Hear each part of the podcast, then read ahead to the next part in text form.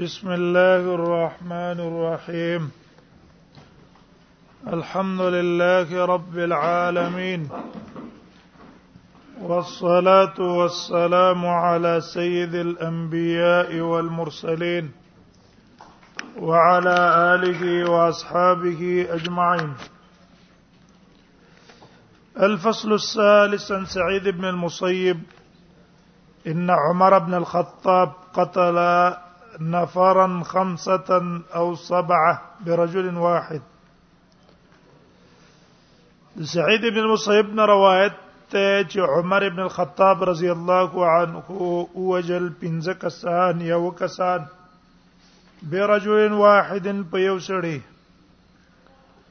قتلوه چې د ټولو وجلو اغلرا قتل غیلتن په وجلو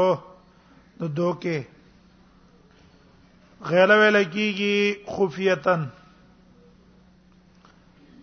به دې غیر یو صورت دا ده چې ته یو سړی په چل باندې یو ځی ته بوزي پټ ځای ته وستل ته مړکه چې چاته پته اون لګيږي دې ته قتل غیر وای دویم صورت د قتل غیر غیلې دا ډاکوانو ده یو سړی را را لګیږي صحیح نه ټیکسی تختې ایسته په مړ کې دام قتل غیلا ده اگر که دا اغواکار چې کوم دي کنه دا په غلو کې نه دي دا اغواکار په محاربینو کې دي ان الذين يحاربون الله ورسوله د دې سزا دا تعلق په امام پورې لري او د غل سزا دا تعلق د مسروق پورې لري چانه چې خلاص شوی وا کاغه دعوه په غل کوله ټیک شو دا ویو کړه غوانه به پیش کړه نو قاضي به تلاش پرې کوي کاغه دعوه نه کوله زنه کیږي لاس نه پرې کیږي دا نه قتل عمد کې اختیار ولی ته ده کاغه معاف کوي بس معاف کیږي لیکن په محاربي صورت کې اختیار سړی نشتا دا د حاکم کار دی سخت سزا بول ور کوي ځکه چې دا بدمنی پیدا کوي په ملک کې نو قتل غیلا ټوله په مړ کړه وقال عمر عمر ویلا لو تمال عليه اهل صنعاء کرا شریک شوی تمال معنا صدا مساعده او مدد کړه وې د په قتل کې صنعاء والا لقتلتهم جميعا ما بتول وجله ټول ما وجله صنعاء ولې ذکر کړه نو یا خو صنعا د دې وجنه ذکر کړه چې دا قاتلین د صنعا او یا صنعا ذکر ذکر کړه چې په دغه وخت کې د صنعا والا نه پر ډیرو نو دې وخت کې په اعتبار د نفوس چین ډیر دی کنه صنعا والا دا په اعتبار د عادت باندې ډیرو ځکه دا ذکر کړو صنعا رواه مالک امام مالک دا روایت کړه ده ورول بخاری ابن عمر نحوه او امام بخاری د عبد الله ابن عمر نوم دغه څه نقل کړی دی وعن جندب قال حدثني فلان ان رسول الله صلى الله عليه وسلم قال وما ته پلان کې حدیث بیان کړی دی دا روایت صحابي ته د صحابي نه ان رسول الله صلی الله علیه وسلم قال نبی صلی الله علیه وسلم فرمایلی دی یجی المقتول بقاتله راب ولی مقتول خپل قاتل لرا یوم القیامت پر ورځ د قیامت ويقول الله تبوای سل هذا ته پوسو کده دنا فيما قتلني پچې زوجله دنا ته پوسو کا زه په څه کې وجلم فیقولون توایب قتلته علی ملک فلان ما دا وجل له پس باندې په ملک د پلان کې باندې یا کوم ملک فلان یو معنا دا ده معنا د پلان کې بادشاہي وا دغه دغه نصرت او دغه مدد او ماسره دغه باندې موجله ده ته څوک فتقها ته تی ګورزانو ساته دا اونکه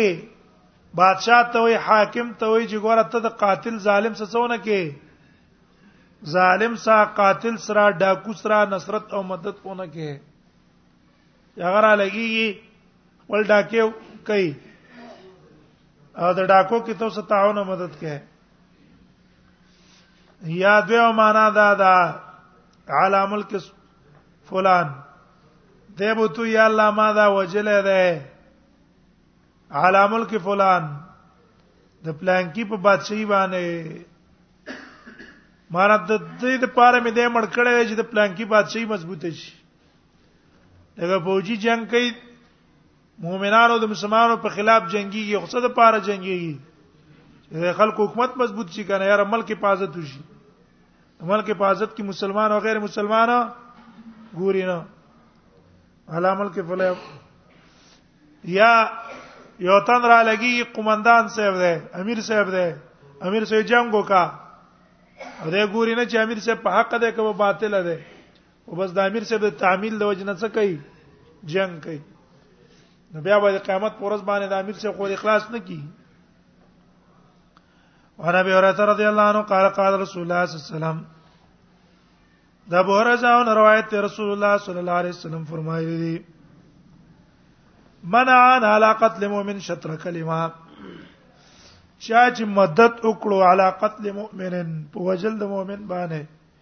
شطر کلمه نیمه کلمه هدا سی ویل اوق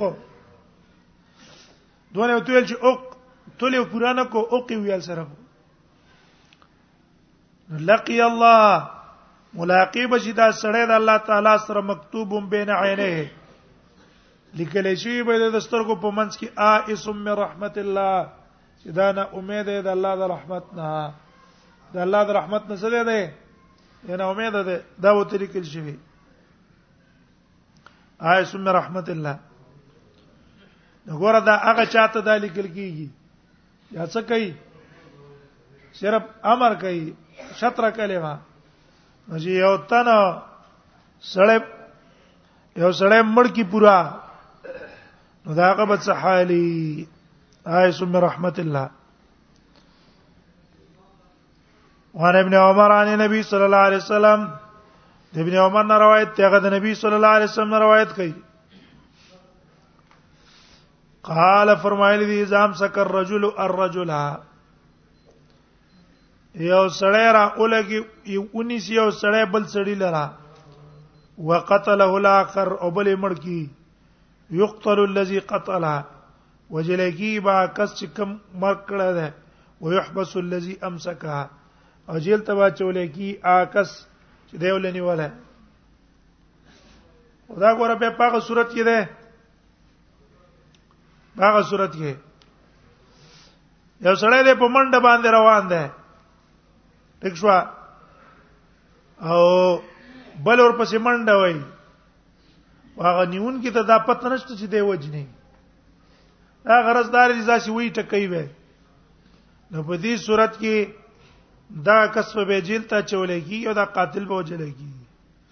او کنا دوت نیولې دې لپاره چې مړی کی دا خو دواړه په قتل کې څه شولو شریک شو بیا په دواړه قصاص کیږي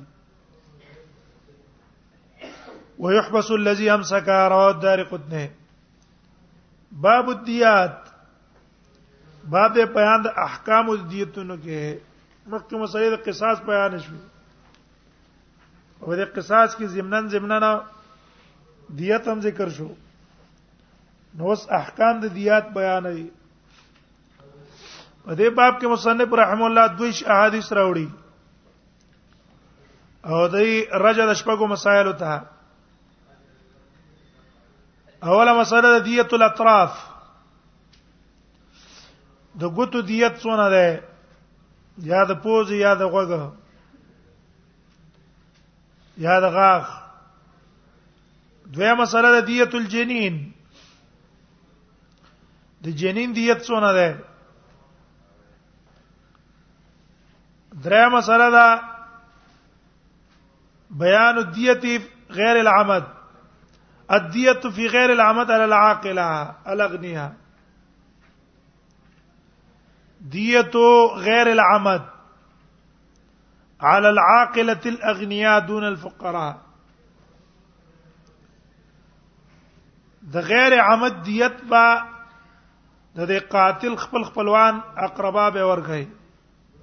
چاهي ته عقل او عقل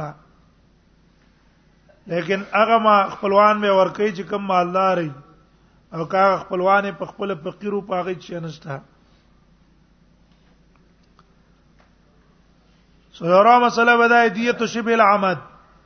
دیت شبه العمد شبه عمد دیت سره بیان به وکړو د شبه عمد څه ته وایي بل مسله به ذکر دیته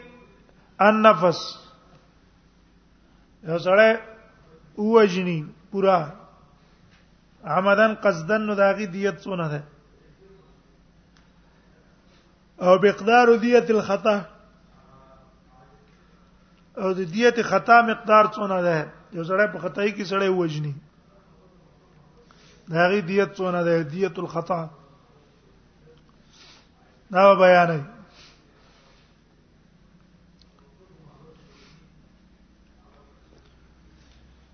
نو باب الدیات باب د باندې دیتونو کې الفصل الاول عن ابن عباس عن النبي صلى الله عليه وسلم عبد الله ابن عباس نه روایت ته هغه د نبی صلی الله علیه وسلم نه روایت کړي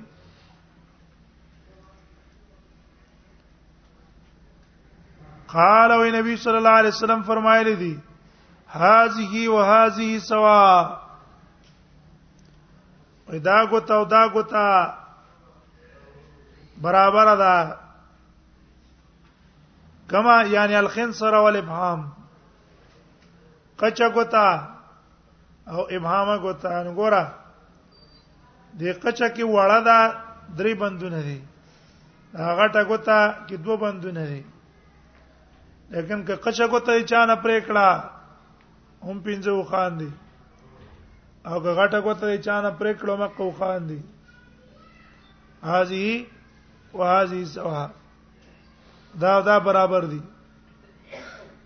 باندې څه شولو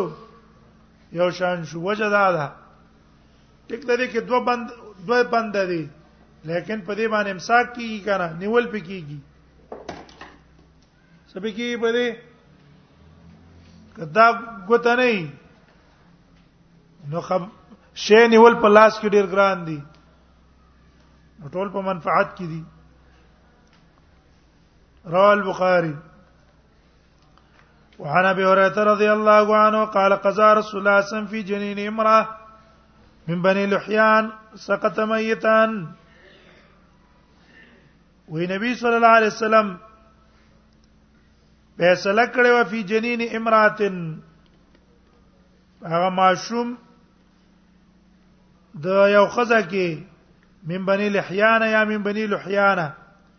د بني لحيان نه یا د بنو لحيان نه سقط میتن چې هغه غرزیدل او مړه په غرتن په غره جنین معنا دا ده چې دوه خزې وي پاڼه بنې وي دا یو بن را ولګېدل په دې بل بنې گزارو کو دا حامله وا هڅوا حامله وا نو د دې حاملې خزي است بچي غرزیدو او چې غرزیدو مړو نو نبی صلی الله علیه وسلم فیصله په وکړه چې دې مړ ماشوم دیت په د غره ورکه ولې دې کې دوه احتمال دي کې دې چې دا په خېټه کې مخ کې نه مړی او کې دې چې دا د دې د گزار سمړ شوی او غالب ګماندار چې دې په گزار مړ ده دیو نه پوره دیت شته ده نه د شوبې پیدا کېدو د وجه نه زبا ور کوي غره به ور کوي غره یا غلام ده یا انځره او که چرتا دا ماشوم په گزار باندې وشو او ژوندې او د ژوند نرستو بیا بستمړ شو لک سات پس مړ شو بیا خو په دې صورت کې پوره دیت ورکړي ځکه ظاهر دا چې دا معصوم ژوند دی او مړ شو د چا د وجه نه د خزې د گزار د وجه نه یا د سړي د گزار د وجه نه وښوي په فی جنین امرا په جنین د یو خزه کې دی بنی لحیان یا د بنی لحیان نه سقط میتن را غورځیدل او مړو سقط میتن معنا باندې ورسېدای سقط چې را غورځیدل او میتن او مړو مخ چې دا را غورځیدل په دغه ټیم کې مړو بغرتن په غره عبد نوما چې دا څه شه ده عبد ده او امانه دا تفسیر ده غوري غلام به یا به انځي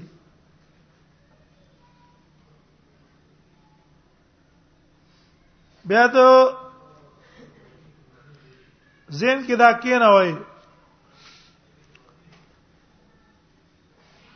چې قتل قتل خطا او شبه عمد په دې دوه صورتونو کې دیت په قاتل نه دیت په چا باندې عقل او د قاتل عقل دا هغه چې کم خپلوان دي ترونه ترونه زامن دا عقل دي هغه به سره د دیت خلاصي او دا دې لپاره چې یو خو پاغي تاوان راولي چې هر یو تن په بل نظر ساتي ضرور کده دا قصې به احتیاط کیږي نو تاوان چاله راځي موږ له به تاوان راځي کنه دی په نظر ساتي یو او دویم حکمت په کې دام ده کدا ټول تاوان په دې سړي باندې راشي دې قاتل دې قاتل ټول مال به ختم شي سمجي دې قاتل مال به ختم شي چې قاتل مال ختم شونه دا به ډېر فقیر شي دیو جن شریعت را لګیدلې ده د فقر لحاظ هم کړی دی دیت یو څه بچاره وسته عقله یو سدیت راوستل ده دا دیت مو عقله برداشت کړي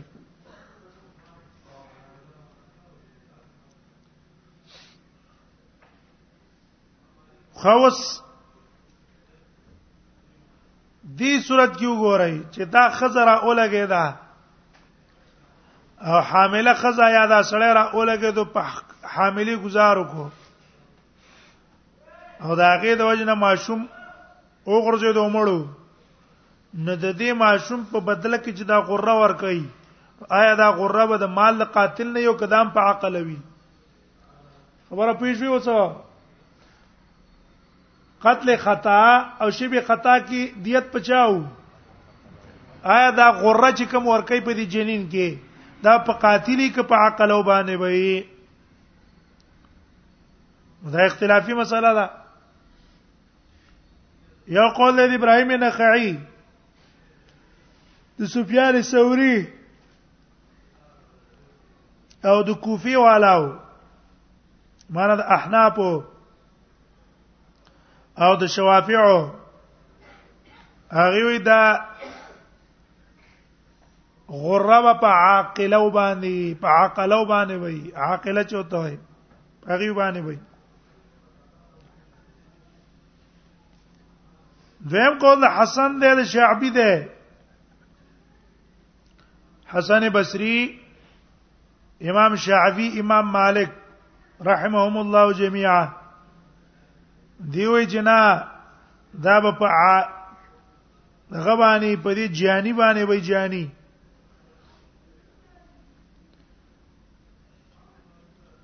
دا چا چې دا کار کړی دی دا به دا تاوان ور کوي او دې استدلال په دې حدیث نیولای دی ګوره په دې حدیث کې دي قضا دیت المرأه على عاقلتها دا خزه چې مړه کړې و نو په دې باندې دوه دغه رال کنه یو په د خزې د دیت راغې او یو په دغه ماشومه ماشومه هغه پر راغې وګوره لاندې وګورئ وقضا بدیه المرأه على عاقلتها نو نبی صلی الله علیه وسلم فیصله د دیت کړې د پاکلو او غره نه دا ذکر کړي چې غره ذکر نه کړه دا دلیل دی په دې خبره چې غره تاوان به څوک ور کوي اجانی به ور کوي په نه شي خبره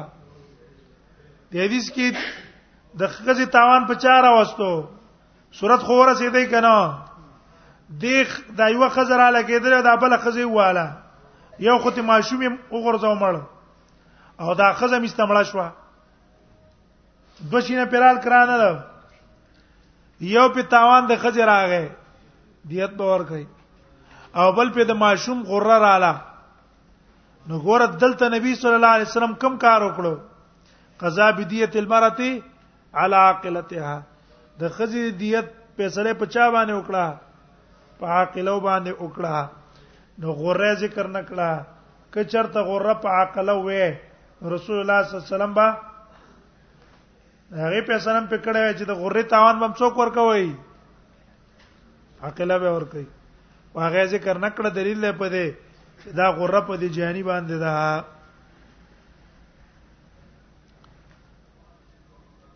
او اولنی قول والا هغه دلیل نه ولا ده په حدیث د ابي هريره رضی الله عنه ان رسول الله صلی الله علیه وسلم قضا بدیتها ودیه جدیدها على عاقلتها وان رسول الله صلی الله علیه وسلم قضا بدیتها ودیه جنینها على عاقلتها وې رسول الله صلی الله علیه وسلم په سره کې دی په دیت او په دیت د جنین داغه په عقل او داغه غره په دې حدیث کې لپس د چار راغی جنین راغی کنه ودیته جنین یا لیکن د دې په سند کې ابو موسی ده ابو موسی او لم یتابع علی احد د په تپرد کړه چا سم متابعت نه ده کړه دویم استدلال کړه ده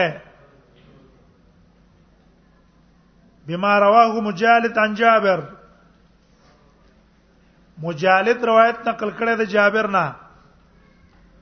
ان رسول الله صلى الله عليه وسلم جعل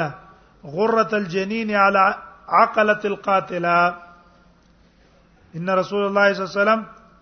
جعل غره الجنين على عاقلتها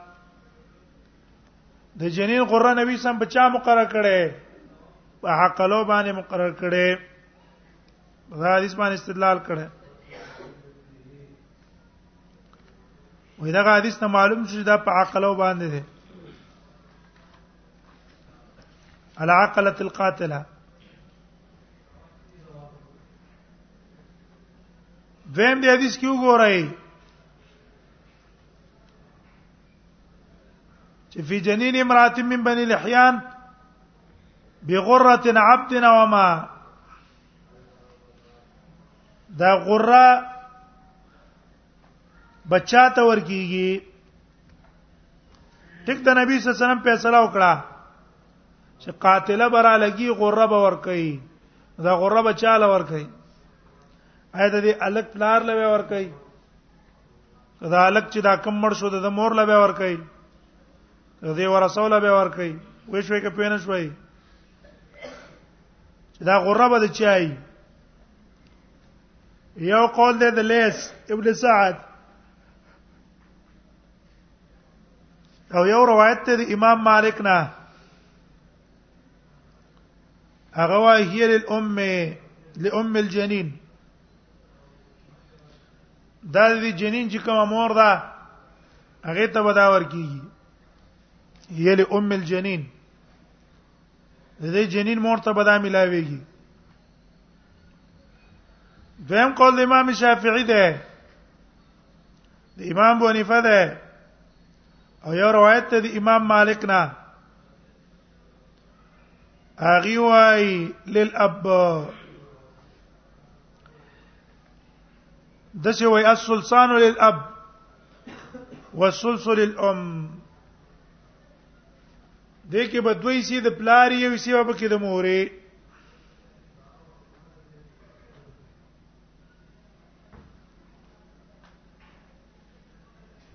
ثم ان المرأه الذي قضى عليها بالقرة وی بیا نبی صلی الله علیه وسلم وی بیا غ خزا چې نبی سلام پاغه باندې قضا علیها بالقره چې فیصله کړې و دا غي د پاره په غره اے پاغه باندې فیصله د غره کړې و توفیت هغه مړ شو کما خزا چې نبی سلام ته ویلو چې تا د دې خزي ماشوم غرزولې ده ته به څه کې ته به دا غي دیت به ورکه پیغمبر شوا فقضى رسول الله صلی الله علیه وسلم بان میراث ال بنیها و زوجها وی نبی صلی الله علیه وسلم دا فیصله وکړه چې میراث په د زامن او د خاوند وي والعقل على عصبتها او دیت به بچای عصبه وی څه مطلب ګوره تاوان ولا پچاره واستو عصبو په کاردار چې دا مړ شوی میراث به عصبو تور کړه کنه لیکن میراث عصبو ته ورنکو میراث چاله ورکو خاوند او داغه بچو له ورکو وانه قال اقتتلت امراتان من وزل دی ابو هريره رضی الله عنه روایت ده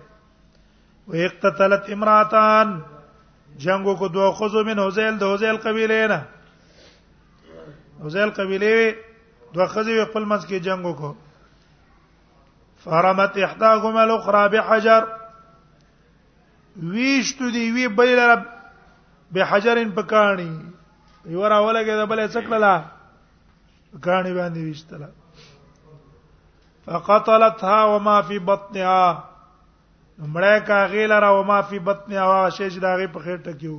دا قضې مې استمړه کړه او داغه په خیر ټکی چې کوم بچي وغه مړ کو فقضى رسول رسول الله صلی الله علیه وسلم فقضى رسول الله صلی الله علیه وسلم بس نبی صلی الله علیه وسلم په صلاح وکړه ان دیت جنینیا غره چې دیت بچی به څه شي غره به عبد اولی دا دا بیان د غره غلام به اولی د یین زوی وقضا بدیت المرأه او فیصله وکړه په دیت ته خزه علی عاقلت یا داغه په عقل او وورثها ولدها او میراث ورکو داغه چاله هغه بچو لاله ومن معكم واغتو چې دی بچو سره یا ګور دلته قتلونه درې دي یو قتل عمد ته یو قتل خطا ده عمد ته ته وایي چې ته یو تن اوجنې په هغه اعلی چې هغه د قتل لپاره عمدن قصدن دی وجلو دا قتل خطا ده دا قتل عمد ده دویم ده قتل خطا قتل خطا دي ته وي چې تا یو سړی اوجلو په هغه آله باندې چې غالبا په هغه سړی مړ کیږي توره دا چاړه دا ټوپک ده تمانچا دا یوه سړی مړ کیږي خو ته اراده د قتل دی نه وه اراده د قتل نو هغه لپاره مختلف صورتونه بیانوي د دې ته لکی قتل خطا دریم نمبر شبه عامت ته شبه عامت شبه عامت ته ته وایي چې اراده دې د انسان د وهلو لیکن هغه آله د قتل نه غالبا آله د څه نه آله د قتل عمل نه غالبا پامسا دې سړی په دې سر وو نو پامسا څوک مري او تا چې وښته مړ شو ټیک شو په ډانګي دې سړی وو غالبا په دې څوک نه مري اے په یو کاڼي دې سړی وښته نو په کاڼي څوک نه مري کاره او دې پښته مړ شو مانا اراده دی و داغه د وهلو لیکن دا اعلی د غالبا قتل نه وا او په دې باندې مړ شو نو دې ته ویل کی شب عمد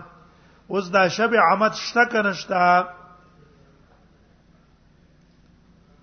دا شب عمد شته کنه او کنه یو قتل عمد دی او بل قتل خطا دی نیو مذهب ته د ټولو احناف او د شوافیعو او د حنابلو دا غي مذهب ته اثبات العقل اثبات قتل شبه العمد د سی وایا اثبات قتل شبه العمد شبه عمد قتل شتا وای شوي قدونه څو شو درې عمد شبه عمد قتل خطا او په دې حدیث استدلال نه ولای فرمت احداكم الاخرى بحجر دا یو را لګیدل بلې په کاڼي باندې شتري دا استعمال کړی دا او نبی صلی الله علیه وسلم را لګیدل په دې کې دیت واجب کړی دی نو که چرته دا خطا خو نه ده کنه کدا خطا خو نه ده که چرته دا عمد وې نو بیا په کار دا و چې رسول الله سم په کې څه ویل وې قصاص قصاص په کې ونه ویلو او دیت په کې ویلو نو دا دیت ویل دلیل شو دی خبره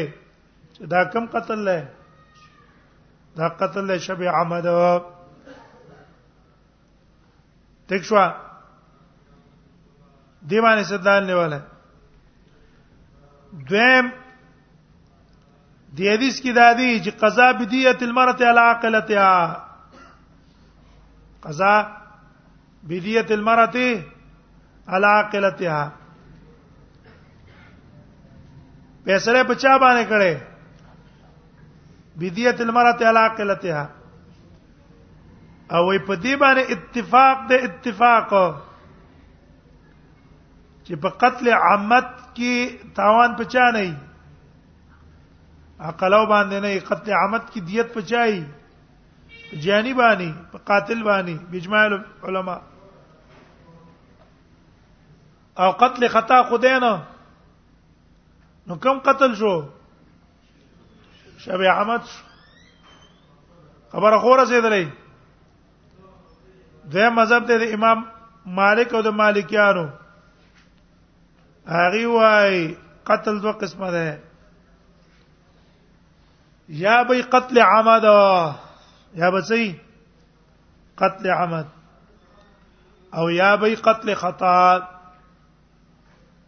یا به قتل عمد یا به قتل خطا او شبه عمد عمد نشتا شبه عمد نشتا یعنی دا شبه عمد شو دا خطا شو بس دوه قسمه ده ولیکن دا قول کمزور دی اولنې قول د جمهور څه ده غسی او راجح ده نو ان دیت جنین یا غره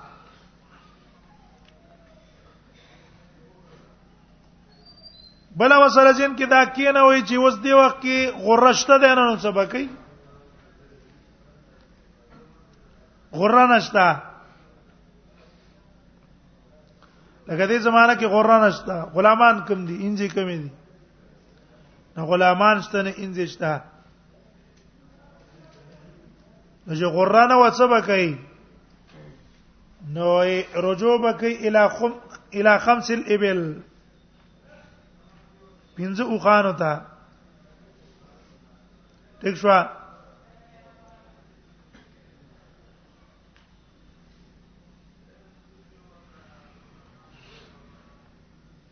بیا د دې لپاره جنین د لپاره ځین کې دا کې نه وایي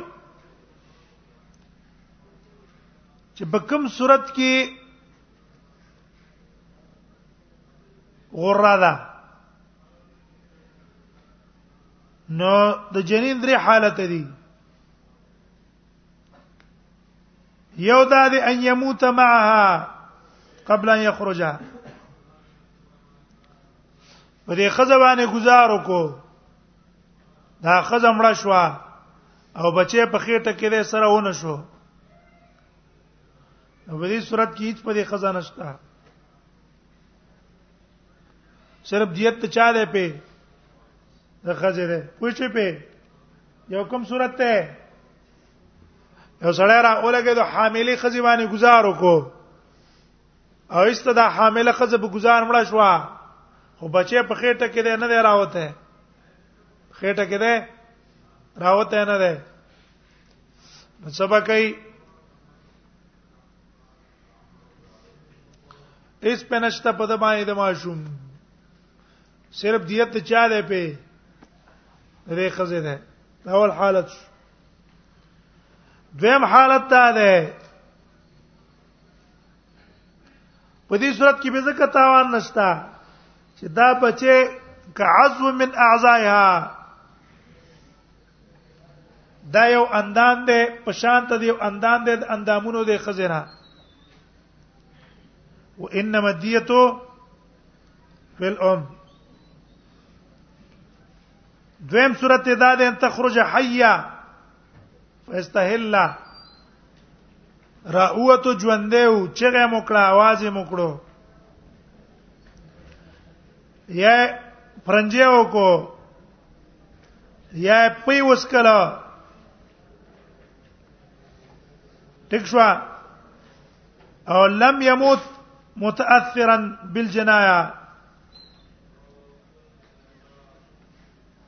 بیا په دې کې پوره دیت ته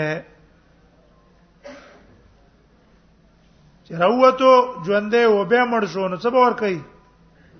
زه پوره دیت ور کوي ټک شو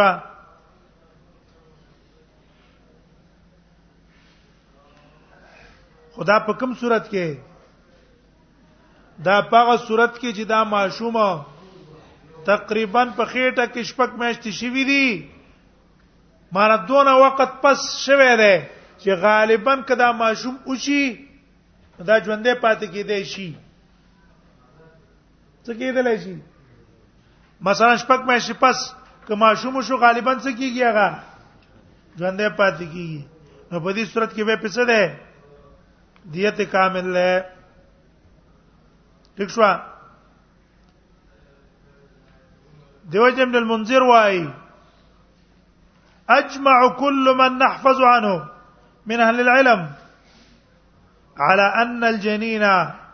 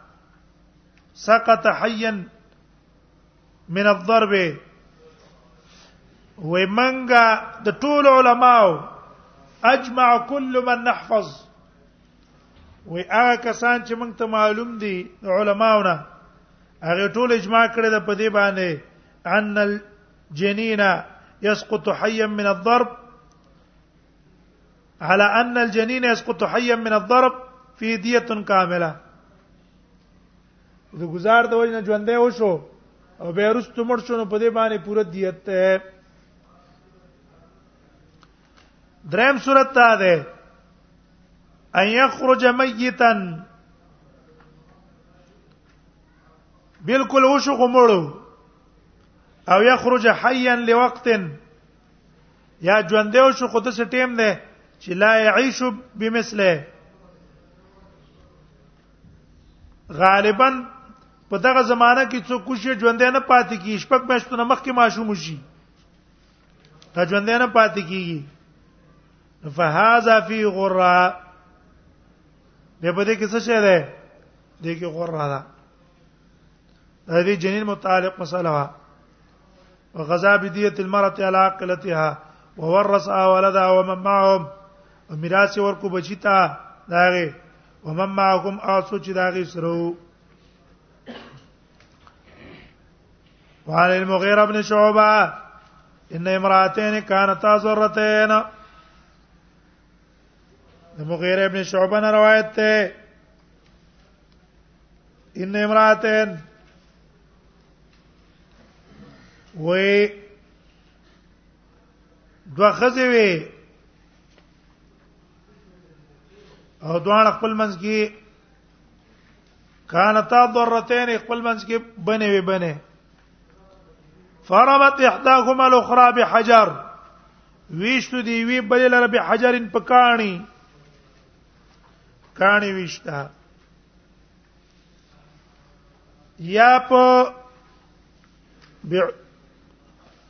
زرا بعمود فسطاط او عمود فسطاط یا پاغه غد استنی د خیمه باندې عمود ویل کی هغه ستن ته فسطاط چې خیمه په درول شي هغه وشتله القت جنینها نو هغه وغورځو خپل بچی لره خېټه نه بچیسته وغورځو فقضى رسول الله صلى الله عليه وسلم نبی صلی الله علیه وسلم فیصله وکړه فل جنین پاغه جنین کې غره د غره عبدا او اما چې غلام دی یا انځ باور کوي وجعله على عصبته او دا یو ګرځول دا غي په عصبه على عصبه المرأه په عصبه ده خزه